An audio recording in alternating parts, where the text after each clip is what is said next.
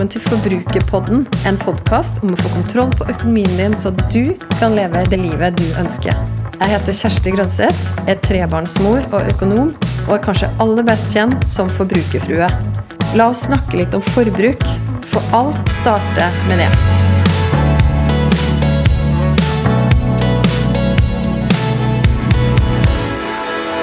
Hvor mye koster det å komme i god form? Skal du bli skikkelig godt trent eller nå et helt spesifikt mål, trenger du noen som pusher deg, noen som løper ved siden av deg, teller for deg, motiverer deg når du tror du har gitt alt. Drømmer du om å ha din egen personlige trener, men er usikker på om budsjettet ditt holder? Dagens gjest er en fantastisk inspirerende dame som har gjort stor suksess med å motivere folk til å bli sin egen personlige trener. Hjertelig velkommen til Forbrukerpodden, kjære Pia Seberg. Eller PT-Pia, blir du fortsatt kalt det? Ja, PT-Pia. Ja, det var jo sånn det jeg ble født med. holdt jeg på å si. Det har vel sånn gradvis gått mer over til Pia Seberg, men det er klart, det er jo en liten sånn sjarmerende sving over PT-Pia, så vi, vi kan gjerne gå for det. ja, ikke sant? Det er veldig bra. Du, eh, Hvor mye tror du, eller tenker du at det koster å komme i god form? Åh, du, Det kan jo koste veldig mye, og så kan det koste absolutt ingenting. Så det er jo, eh, som jeg så ofte svarer når det kommer til dette med fysisk trening, det kommer veldig an på. Eh, det kommer an på hva man selv foretrekker, hvor selvgående man er, og ikke minst hva man ønsker å bli bedre i. Å komme i form er jo så, er jo så generelt, så ja, det kommer jo an på, da. Men eh, man kan jo potensielt bruke ganske mye penger på det, og det ser vi jo i samfunnet i dag. Det er jo store summer som anvendes på alt fra PT til treningsutstyr, klokker, medlemskap. Så det er jo en eh, Altså et pengesluk for mange, men jeg velger å tro at det er et av de bedre pengeslukene, da. ikke sant? Det er rett og slett en god investering å bruke penger på sin egen helse og sin egen kropp. Jeg tenker jo det, men samtidig litt sånn i tråd med filosofien min om å bli din egen PT, så er det viktig for meg å understreke at det trenger ikke å koste mye penger å komme i form. Og det her med å f.eks. ha PT, det jeg ønsker jo på ingen måte å liksom disse de som er PT-er ved å si at alle kan bli sin egen PT. Tvert imot, for det er en kjempeluksus å ha sin egen personlige trener. Men det er litt viktig å understreke at det er nettopp det, da, en luksus. Og hvis alle går rundt og tenker at eh, nei, jeg må ha en PT for å komme i form, da kommer vi på en måte litt i kort. da. Så det er viktig å understreke at eh, man kan komme i form eh, ja, helt gratis og ganske enkelt, egentlig. Men så er jo det å investere eventuelt f.eks. i en PT en, ja, en kjempeluksus som definitivt vil hjelpe deg litt på veien. Men eh, jeg tror folk undervurderer hvor mye krefter de har i seg selv også, da, til å etablere gode rutiner og vaner og skape en endring hvis det, hvis det er et mål. Mm. Ja, og her er det jo helt genialt når du da snakker om at man kan bli sin egen PT. ikke sant? Og La oss komme litt mer tilbake til det, men vi må, vi må høre litt mer om, eh, om, om deg, da, Pia. Hvem, hvem er Pia Seberg? Eh, ja, da skal jeg prøve å holde det kort og godt. Jeg eh, heter jo Pia og bor i et rekkehus i Drammen sammen med kjæresten min og min eh, lille nyfødte sønn. Eller nå er han jo snart et halvt år, da, så han er ikke så nyfødt lenger. Um, og jeg starta jo som eh, journalist i ShapeUp. Da hadde jeg jobba som PT i noen år. Eh, og så har jeg en bachelorgrad i journalistikk, så jeg jobba lenge som eh, fast journalist der. Og etter hvert da så begynte jeg å drive for meg selv, for man merka jo på en måte at journalistikken eh, Hva skal jeg si Der gikk det jo dårligere og dårligere, og det ble liksom mer hensiktsmessig å drive for seg selv, da. Så eh, det var vel for en tre-fire år siden at jeg starta bloggen eh, piasebar.no, og så har det egentlig bare vokst eh, seg større og større derfra. Mm. Så nå lever jeg jo på en måte av å ja, Jeg jobber for meg selv, jeg skriver artikler, og jeg driver de sosiale kanalene mine. Og så er jeg jo fysisk og mental trener da, og har kunder, eh, treningsgrupper på Facebook, eh, holder en del foredrag, treningsreiser. Det er mange ulike bein jeg står på, men det som går igjen, uh, uansett hva jeg gjør, er jo fysisk og mental trening, da. Mm. Det er veldig kult, og jeg, har fulgt deg en stund. Og jeg må si at uh, av alt du legger ut, Pia, så blir jeg veldig motivert. Altså, Så hyggelig å høre. Det er jo eh, Man er jo alltid redd for at man på en måte, som jeg har sagt før også, kanskje kan irritere mer enn inspirere noen ganger. Det er vanskelig å vite, men eh, det er bra du sier det. Jeg føler at jeg liksom treffer litt riktig. Ja, jeg tror du gjør det. Og så har jeg jo funnet en sånn hashtag da, som heter Pias gym. Ja. Og, og den må jeg si at den setter jeg veldig pris på, for nå er jeg jo eh, økonom, som du vet, og snakker om, å, ja, snakker jo om forbruk, og snakker gjerne om å, om å begrense forbruket også, og spare penger. Og den her hashtag Pias gym, her kan man jo få altså, her får man jo deg som PT egentlig inn i stua da, med noen enkle øvelser. Som, og de, den jeg har prøvd, den, den krevde rett og slett ingenting annet enn en matte på gulvet. Så det, det, det var jo helt gratis. Ja, er ikke det deilig? Den, jo. Jeg prøvde den rett før jeg skulle inn i et sånn eh, videomøte fra hjemmekontoret. Så jeg kom litt sånn eh, heseblesende inn, inn, i det videomøtet. Men det er jo helt herlig. Og det tenker jeg jo I den tida som vi er i nå, der alle har vært hjemme, og sånn, så er det nettopp sånne ting som bare kan gjøre dagen litt, litt bedre. rett og slett.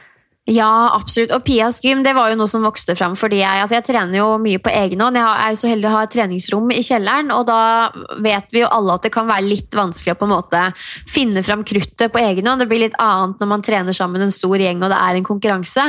Eh, så da tenkte jeg at jeg kan legge ut ulike økter som går på tid, og dele de med følgerne mine. Og så eh, kan vi prøve å slå hverandres tider, da. Bare for å trigge, prøve å trigge et eller annet i oss. Og ikke minst å kunne konkurrere mot seg selv. Sånn at den tiden du fikk, da, f.eks. når du testa den økta, at når du tar den eh, igjen neste gang, noe jeg regner med at du kommer til å gjøre, mm. så slår du da din egen tid. altså Du får en liten sånn litt lyst til å liksom gi på litt ekstra for å slå den tida. Eh, og det er jo på en måte litt av definisjonen på å komme i bedre form. Man ønsker jo å være litt bedre neste gang man tester en øvelse eller en økt. Eh, så for meg så er det en liten sånn enkel måte å ja, trigge et eller annet i både meg sjøl, men også de som tester øktene mine. Mm. Det er veldig kult. Og, altså, du, du nevner jo det, du er jo både PT og mentaltrener. Og Det mm. betyr jo at du er ganske god på å komme deg inn i hodene til folk og hjelpe oss å tenke riktig, gjerne pushe oss litt lengre. Og da er jeg veldig nysgjerrig på hva, hva gjør du for å få til det? Verdens største spørsmål. ja, nei, ja, det er jo det man prøver. Jeg starta jo som altså, kun fysisk trener, men skjønte jo at uh, uavhengig av liksom, hvor gode treningsprogrammer jeg ga, eller treningsråd, eller vi kunne ha råbra PT-timer, men det var liksom når alt kommer til alt, så er det jo valgene en person tar, og det som skjer oppi topplokket, som avgjør om man klarer å legge ned jobben som trengs, da, enten det handler om sunn mat eller eh, trening. Mm. Så altså, hva gjør jeg for å komme inn i hodene til folk? Det, det kommer jo helt an på problemstillingen og utfordringen vi har foran oss, men alt starter jo med holdt jeg på å si, den gode samtalen. Og helt enkelt tørre å spørre hva, hvorfor og hvordan. Og når du tror at du har svart, så spør jeg igjen hva, hvorfor og hvordan. Eh, hvorfor og hvordan, hvorfor og hvordan. Altså mm. får, får deg rett og slett til å eh, grave i ditt eget hode og um, f.eks. begrunne for deg selv hvorfor du har lyst til å gjøre en endring. Da. Og det handler jo i første omgang om å skape en drive og motivasjon inni deg selv til å gjøre noe over tid. Um, for det er jo det det handler om. Du kan følge verdens beste treningsprogram eller ha fått en uh, kostholdsplan for de som driver med sånt noe, men du må allikevel velge dag etter dag, time etter time, og ta liksom i gåseøyne de rette valgene. Da. Og da må du ha en form for sånn vilje og et fokus oppi hodet ditt. Uh, og da bør du bl.a. ha ganske tydelig for deg Hvorfor er det her viktig for deg? Hvorfor er det noe du ønsker å liksom legge deg i selen for å få til? Og som mentaltrener så jobber man jo for å virkelig tydeliggjøre de tingene der for eh, kundene sine. Da. Eh, på samme måte som jeg vil tro du kunne gjort overfor en som må ha motivasjon til å spare. Altså, det er jo en jobb som må gjøres, og da må man liksom virkelig klare å minne seg sjøl på hvorfor det er viktig for en. Da. For det er jo ikke det er jo ikke det feteste som finnes å verken trene eller å spare, men jobben på lang sikt Du kan jo høste veldig gode frukter av det, da. Ja, og det du sier der, det, eh, det, det syns jeg er helt fantastisk bra. Altså, det, handler jo det handler om å bygge de gode vanene, men også hele tiden vite hvorfor. Sånn at man nettopp når man står der og det ikke kjennes, kjennes kult i akkurat i øyeblikket, så, så har man et, et større mål for øyet. Og, det, og jeg, jeg, digger jo også at du nå kom inn på det å sammenligne trening og sparing. Da. For det er en annen ting som du har sagt. Jeg er helt enig med deg at det, man skal, Hvis man skal spare til noe, spare til, man har et eller annet mål der, da, man ønsker å spare til en drøm, eller man skal betale ned gjeld, eller spare til pensjon, eller hva som helst, så trenger man jo ha det målet ganske høyt oppe for nettopp å ta valgene i det litt kjedelige dagligdagse. ikke sant? Mm. Men så har du sagt en gang da at øh, knytta til det med å, å, bygge gode vaner, men også det å, å, få Du er opptatt av den gode mestringsfølelsen, da. Og, mm. og, og du har sagt en gang at uh, at én uh, treningsøkt alene den, kan, den, trenger ikke å ha så stor verdi i seg selv, men den kan være utrolig viktig hvis den ender opp med å inspirere og friste til gjentakelse. Mm. Ja, eh, jeg mener jo at mestringsfølelse er noe av det viktigste. Eh, vi som trenere, blant annet, eller influensere, ja, Det er noe av det viktigste vi skaper hos mennesker, da, fordi det eh, motiverer og inspirerer til å gjøre det igjen. Og altså, Trening er ferskvare, og kontinuitet, det å klare å gjøre det over tid, er jo det vi er. Altså, det er den aller viktigste faktoren for å få til noe. Enten det er å bli sterkere, løpe fortere, bli mindre. Gudene veit hva folk Eh, ønsker. Eh, så folk har en tendens til å henge seg veldig opp i liksom akkurat hvilken øvelse som er best, eller hvilket treningsprogram som er best, men det vi vet at er den aller viktigste faktoren for å bli sprekere, det er jo å klare å gjøre det over tid. Mm. Eh, og det er jo der folk ofte faller av. Noe jeg skjønner hvis du på en måte kommer f.eks. på Sats da, og er med på en grufull crossfit-aktig time med en instruktør som hele tiden sier Hardere, fortere, kom igjen, du klarer mer, mer, mer. Eh, da, jo, da ville jeg i hvert fall gått ut av den økta med en følelse av at eh, ja, dette her klarte jeg ikke helt, jeg vet ikke om jeg er keen på det igjen. Mm. Eh, kontra å få liksom en sånn skikkelig klapp på skulderen både underveis, men også etterpå, med beskjed om at eh, vet du hva, dette her naila du, liksom. Eh, og da tenker man at ja, det her, nå kunne jeg kanskje tenkt meg å ha gjort det igjen.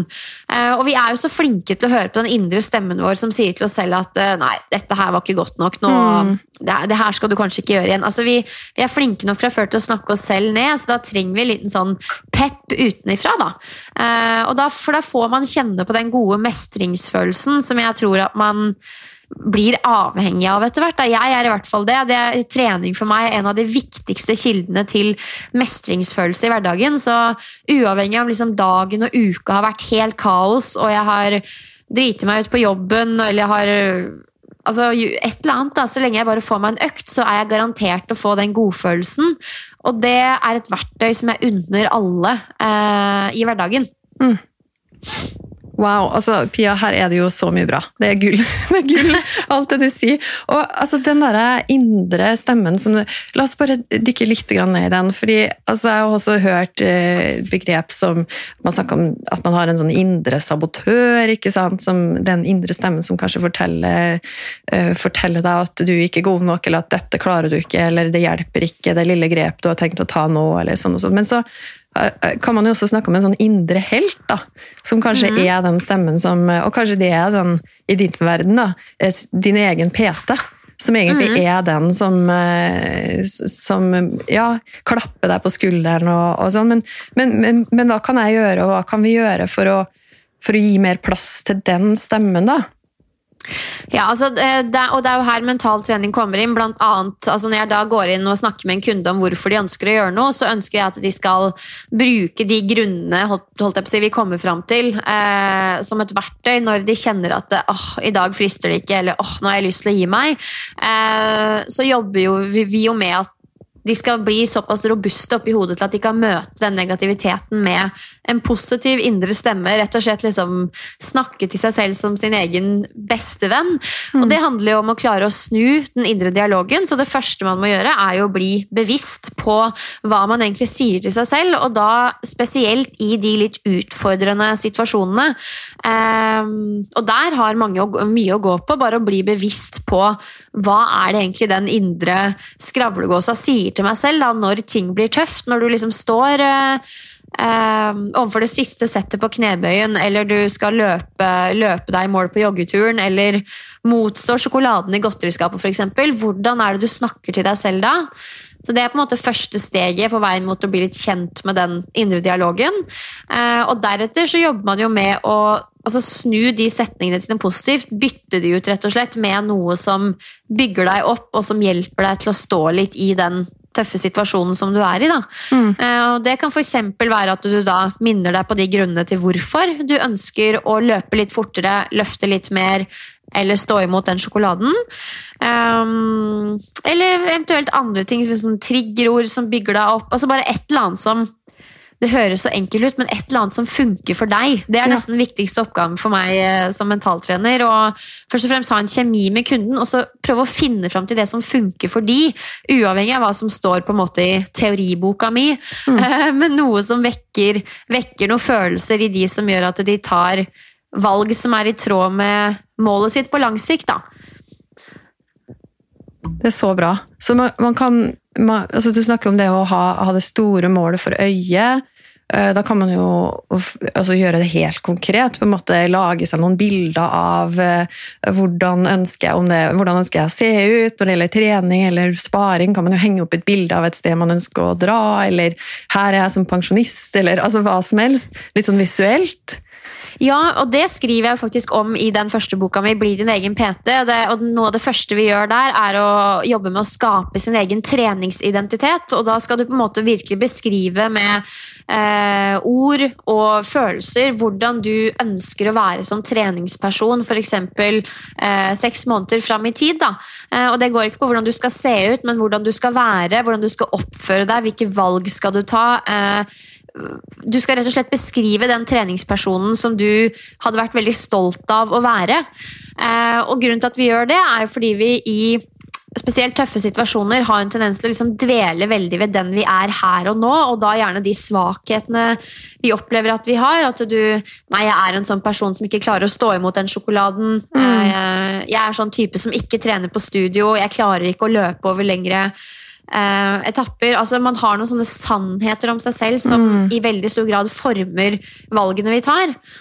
Mens ved å flytte det fokuset fra da her og nå og litt over på liksom hvem du ønsker å være fram i tid, så er det også litt lettere å ta eh, valg som er i tråd med den personen, og ikke den du føler du er her og nå. Mm. Eh, Så det å virkelig male fram et bilde og kjenne på de følelsene av at du er den treningspersonen som du er stolt av, da, eh, det er et kjempenyttig verktøy. Og også det, det er en annen ting jeg har blitt avhengig av med tiden. Jeg er jo et produkt av det jeg snakker om sjøl. Altså jeg er så avhengig og glad i å bli stolt av meg selv. Mm. Det er en så god følelse, eh, som jeg også unner alle. Jeg kan tenke meg Altså Når jeg klarer å sette av en tusenlapp til sparing, for eksempel, så får jeg jo den samme følelsen. Altså Man blir så stolt av å klare å gjøre de rette tingene og stå litt imot den der kortsiktige gleden, eh, og heller velge det litt sånn lang, langsiktige perspektivet. Det er så, det er så godt, da. Mm. Og det, det kan man få til, men det, det, det kommer ikke av seg sjøl. Du må liksom velge å ha litt fokus på det og terpe litt på det over tid. Mm. Og det er et eksempel på mental trening. Det handler rett og slett bare om å ta ta litt tak i eget hode. Da. Og det er ikke sånn at det kommer til å gå dritbra hver eneste dag, eh, hver eneste gang du skal ta et valg, men man må i hvert fall liksom begynne et sted og begynne å tenke litt over hvorfor man gjør som man gjør, og hvordan det egentlig henger sammen med hvor du ønsker å være om en uke, om en måned og om et år. da.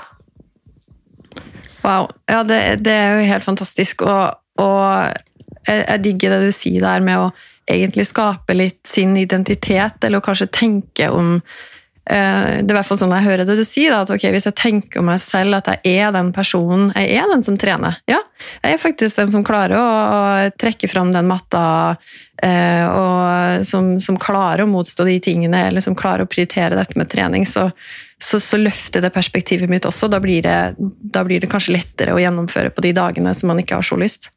Ja, absolutt. Og det, jeg sier ikke at det er bare bare, det er ikke alltid enkelt, men sånn for min del, da når jeg ligger på sofaen og Jeg er sikker på at liksom 60-70% av øktene jeg gjør, det frister ikke alltid før jeg er i gang.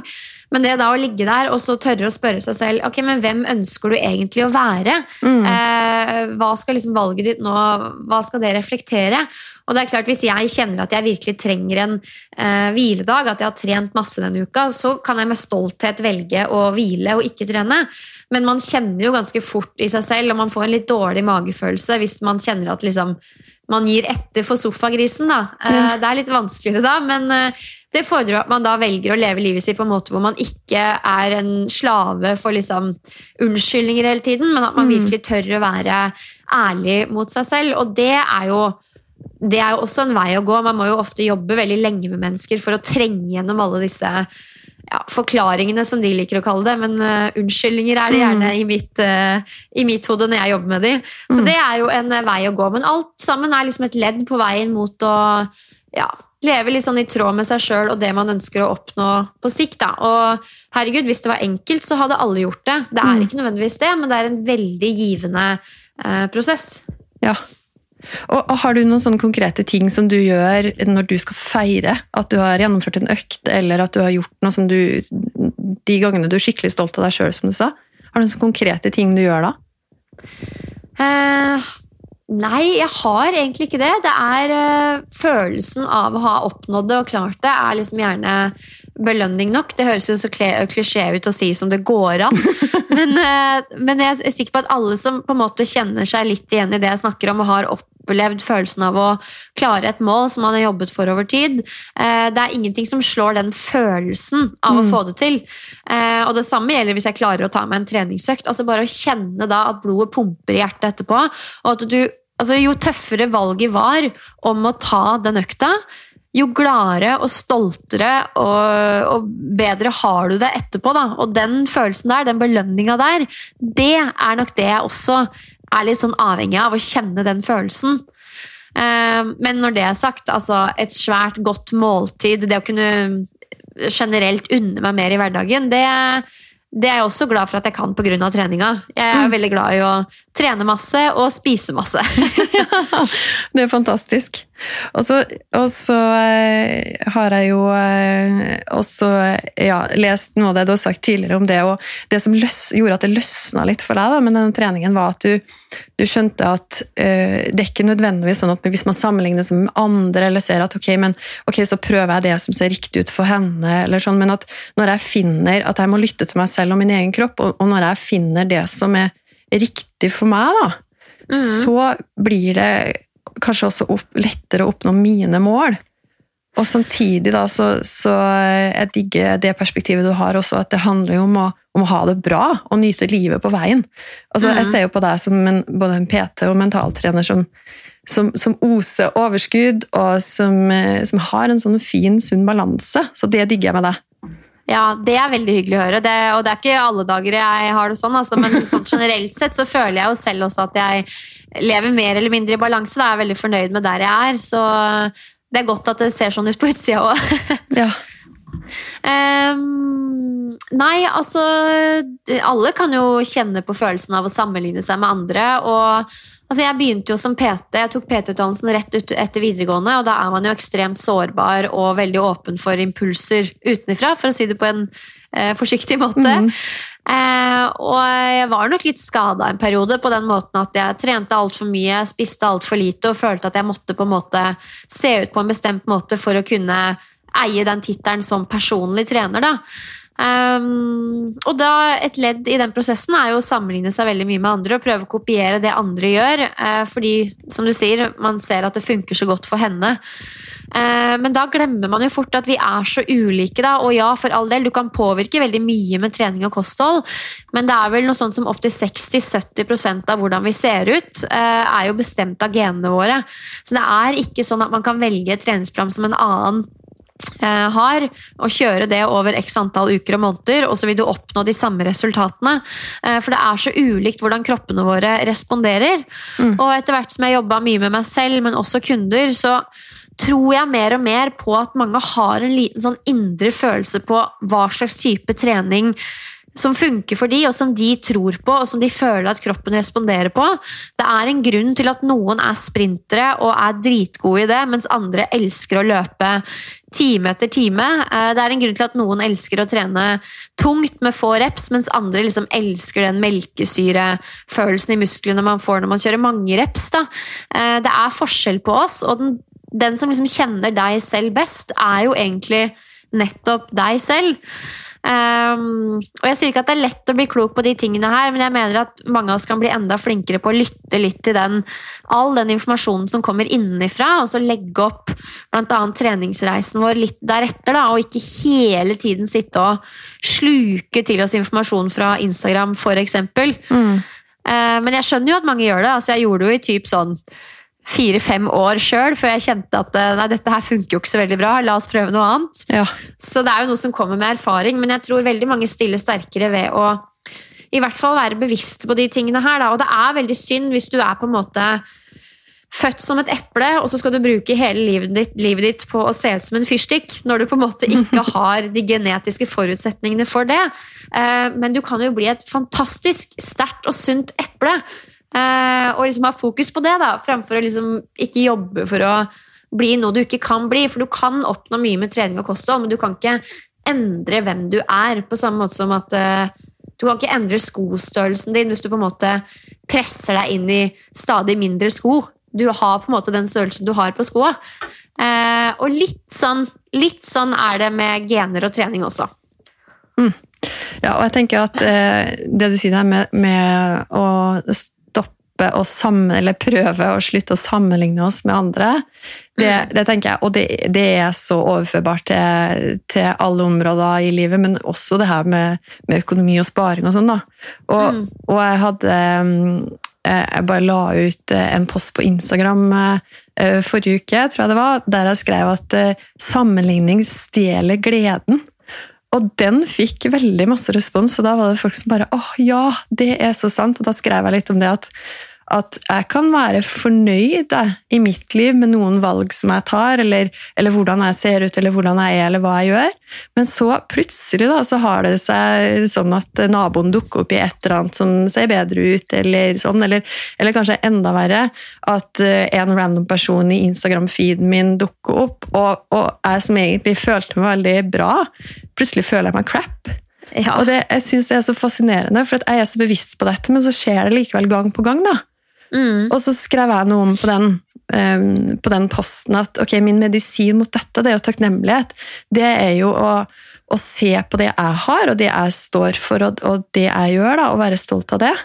Men så tenkte jeg litt videre på det, så tenkte jeg sånn, vet du hva? En annen medisin som kanskje er vel så viktig, det er det å bare gjøre mer av det som er meg. da. Mm. Og det, det ble jeg liksom inspirert av nå når du snakka om det med å finne liksom sin både sitt mål når det gjelder trening, men også og, og jeg, hvilke, måte, hvilke visjoner og drømmer jeg har når jeg ser for meg meg sjøl og, og, min trening, men også i de konkrete tingene. da, at ok, Kanskje det er helt perfekt da, for meg å ta den, den uh, sjuminutters økta uh, daglig uh, på matta her på stua. Kanskje, kanskje er det min Eh, min treningsform akkurat nå. Da. Og, og, da må jeg bare dyrke det, da. okay, og bli glad i den formen. Så, så blir det kanskje lettere for meg å bare eh, heie på meg sjøl og de valgene jeg tar, i stedet for å sammenligne meg, men bare gjøre mer av det som funker for meg. da. Ga det mening? Ja, ja, ja, ja. Herregud. Altså, det her er jo musikk i mine ører. og det, er jo, det, er, det, var utrolig godt sagt. Sammenligning stjeler gleden, for det er jo akkurat det det gjør. Eh, så jeg tror jo på at ved å ha mer fokus på deg sjæl, deg sjæl, deg sjæl, bl.a. f.eks. ved å operere med en sånn treningsidentitet, så er det også lettere å på en måte rette fokuset den veien og minne deg selv på hvorfor du gjør det du gjør, hvorfor du ikke gjør det den personen på Instagram gjør. Eh, rett og slett eh, forsterke seg sjøl, da. Så jeg tror veldig eh, på alt det du sier der, egentlig. Um, også det med takknemlighet. Det er jo en av de viktigste verdiene jeg har selv. og det er sånn det ligger alltid lykke og tilfredshet i takknemlighet. Så hvis du, å, hvis du tar deg selv og begynner å drifte og tenke på andre og ting du gjerne skulle ha hatt, hvis du på en måte klarer å trekke deg selv tilbake til takknemlighet og sette pris på det du faktisk har, så føler jeg for meg i hvert fall, så er det sånn, i 90% av tilfellene så tar det meg tilbake til et sted der hvor jeg blir på en måte jorda da, i meg selv og hvem jeg er. Så ja, nei, jeg Copy that, det er jeg 100 enig i. og i dag så kjenner jeg meg rett og slett veldig takknemlig for den praten her med deg, Pia, for nå ble jeg veldig gira på å både finne min treningsidentitet, er det det du kaller det? Ja. ja. Og min, min form for trening, så helt supert. Og så vil jeg spørre deg, jeg veit jo da, du har jo sagt det her i sosiale medier, at det er en ny bok på gang. Og, og den, den, tror jeg er aktuell for veldig mange, inkludert meg. Kan du ikke bare avsløre litt om hva som kommer i den nye boka? Ja, altså jeg, som jeg nevnte innledningsvis, så fødte jeg et barn i november. Eh, og det var jo en eh, artig prosess, og det har det jo vært siden. Eh, og jeg skjønte ganske tidlig, allerede når jeg ble gravid, at jeg hadde lyst til å skrive noe om denne prosessen her. Det ligger jo veldig i hjertet mitt å dele erfaringer og følelser om ting jeg er igjennom, for jeg tenker jo at det er alltid noe noen kan kjenne seg igjen i. Eh, så nå er jeg snart eh, ferdig med en bok som handler om å være sprek og sterk etter fødsel. Vi har ikke helt naila tittelen, men jeg tror det blir sprek etter fødsel. Eh, og der ønsker jeg å bruke på en måte min kunnskap, men også mine erfaringer, og også intervjuer som jeg har gjort med eksperter, til å inspirere leserne til å være spreke etter fødsel. Og det handler ikke om at du skal få tilbake rumpa di eller magemusklene dine, men heller å komme seg gjennom det første året etter fødsel på en ok, god måte. Da, og være stolt av seg selv også i en tid hvor liksom hele livet blir snudd på hodet. Um, for det er jo på sett og vis en sånn identitetskrise, blant annet det å få barn. Man opplever jo at man bare må kaste alt man har i hendene og ta vare på den lille babyen, og det skal man jo, og det vil man jo, men jeg tror ikke på sikt at det er godt for verken barnet eller moren at hun ofrer og gir opp seg selv totalt. Mm. Eh, noe jeg føler at jeg kanskje ser en tendens til at mange gjør, fordi de føler at de, ja, de vil jo gjøre alt for det lille barnet, men man må ikke glemme seg selv oppi det hele. Eh, så jeg håper å lage en bok som gir mentale og fysiske verktøy som hjelper oss jenter etter fødsel både til å styrke oss opp fysisk, så man kan gjenoppta vanlig trening igjen, men også gjennomføre barseltiden på en måte som gjør at man går ut av det med mestring og en godfølelse. og Det er ikke sånn at alt kommer til å gå på skinner, men man skal føle at eh, jeg hadde en plan, og jeg gjorde så godt jeg kan. Mm. Og det å vite det, det tror jeg liksom gir mye mestring og trygghet i seg selv. Da. Selv om ikke alt går på skinner, liksom, for det ja, det vet jo du, du har tre barn. Det, det går ikke på skinner. Nei, det skal jeg love deg. Nei, ikke sant? Wow, det her, um, altså, nå, nå, skal jeg være helt uh, ærlig med at jeg skal ikke gjennom noen ny barseltid, for jeg skal ikke ha et barn nummer fire. men, men, jeg tenker jo at de tingene du snakker om her, det, det, det er jo veldig relevant. Altså selv nå nesten to år etter siste mann ble født hos meg. Da. Så det, ja, åh, det gleder, jeg gleder meg til den boka kommer ut. Jeg gleder meg til å lese.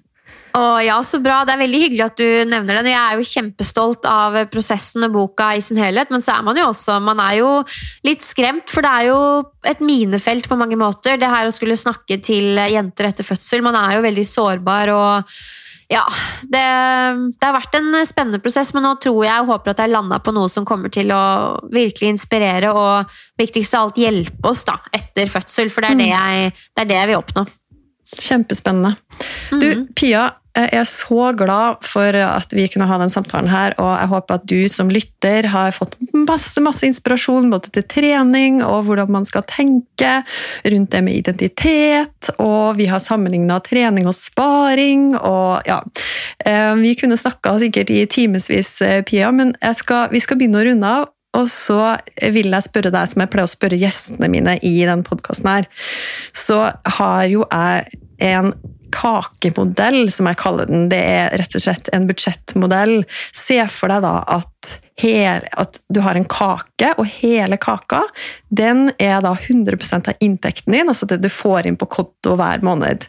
Og så har jeg delt inn denne kaka her i fem kakestykker med hver sine størrelser. Da. Et kakestykke heter Leve, som er levekostnadene. Og så er det Nyte, alle lattene våre og alt det vi digger å bruke penger på. Og så er det Gi, drømme og sikre. Og så pleier jeg å spørre gjestene mine, og jeg skal spørre deg også, Pia, hvilket kakestykke har du valgt, og hvorfor? Åh, det der er mission impossible, altså.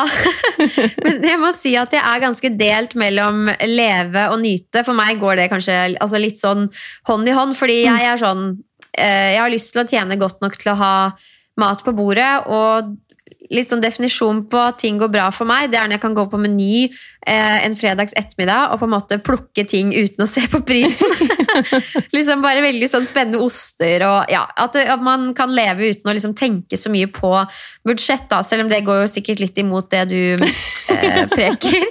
Eh, men når det er sagt, når jeg kan gjøre de tingene der, og på en forholdsvis fornuftig måte, eh, så er jeg veldig opptatt av sikring. Så alt jeg på en måte ikke trenger til å leve et, det jeg syns er et ålreit liv, det sparer jeg, og jeg er veldig opptatt av å prøve å spare smartest mulig.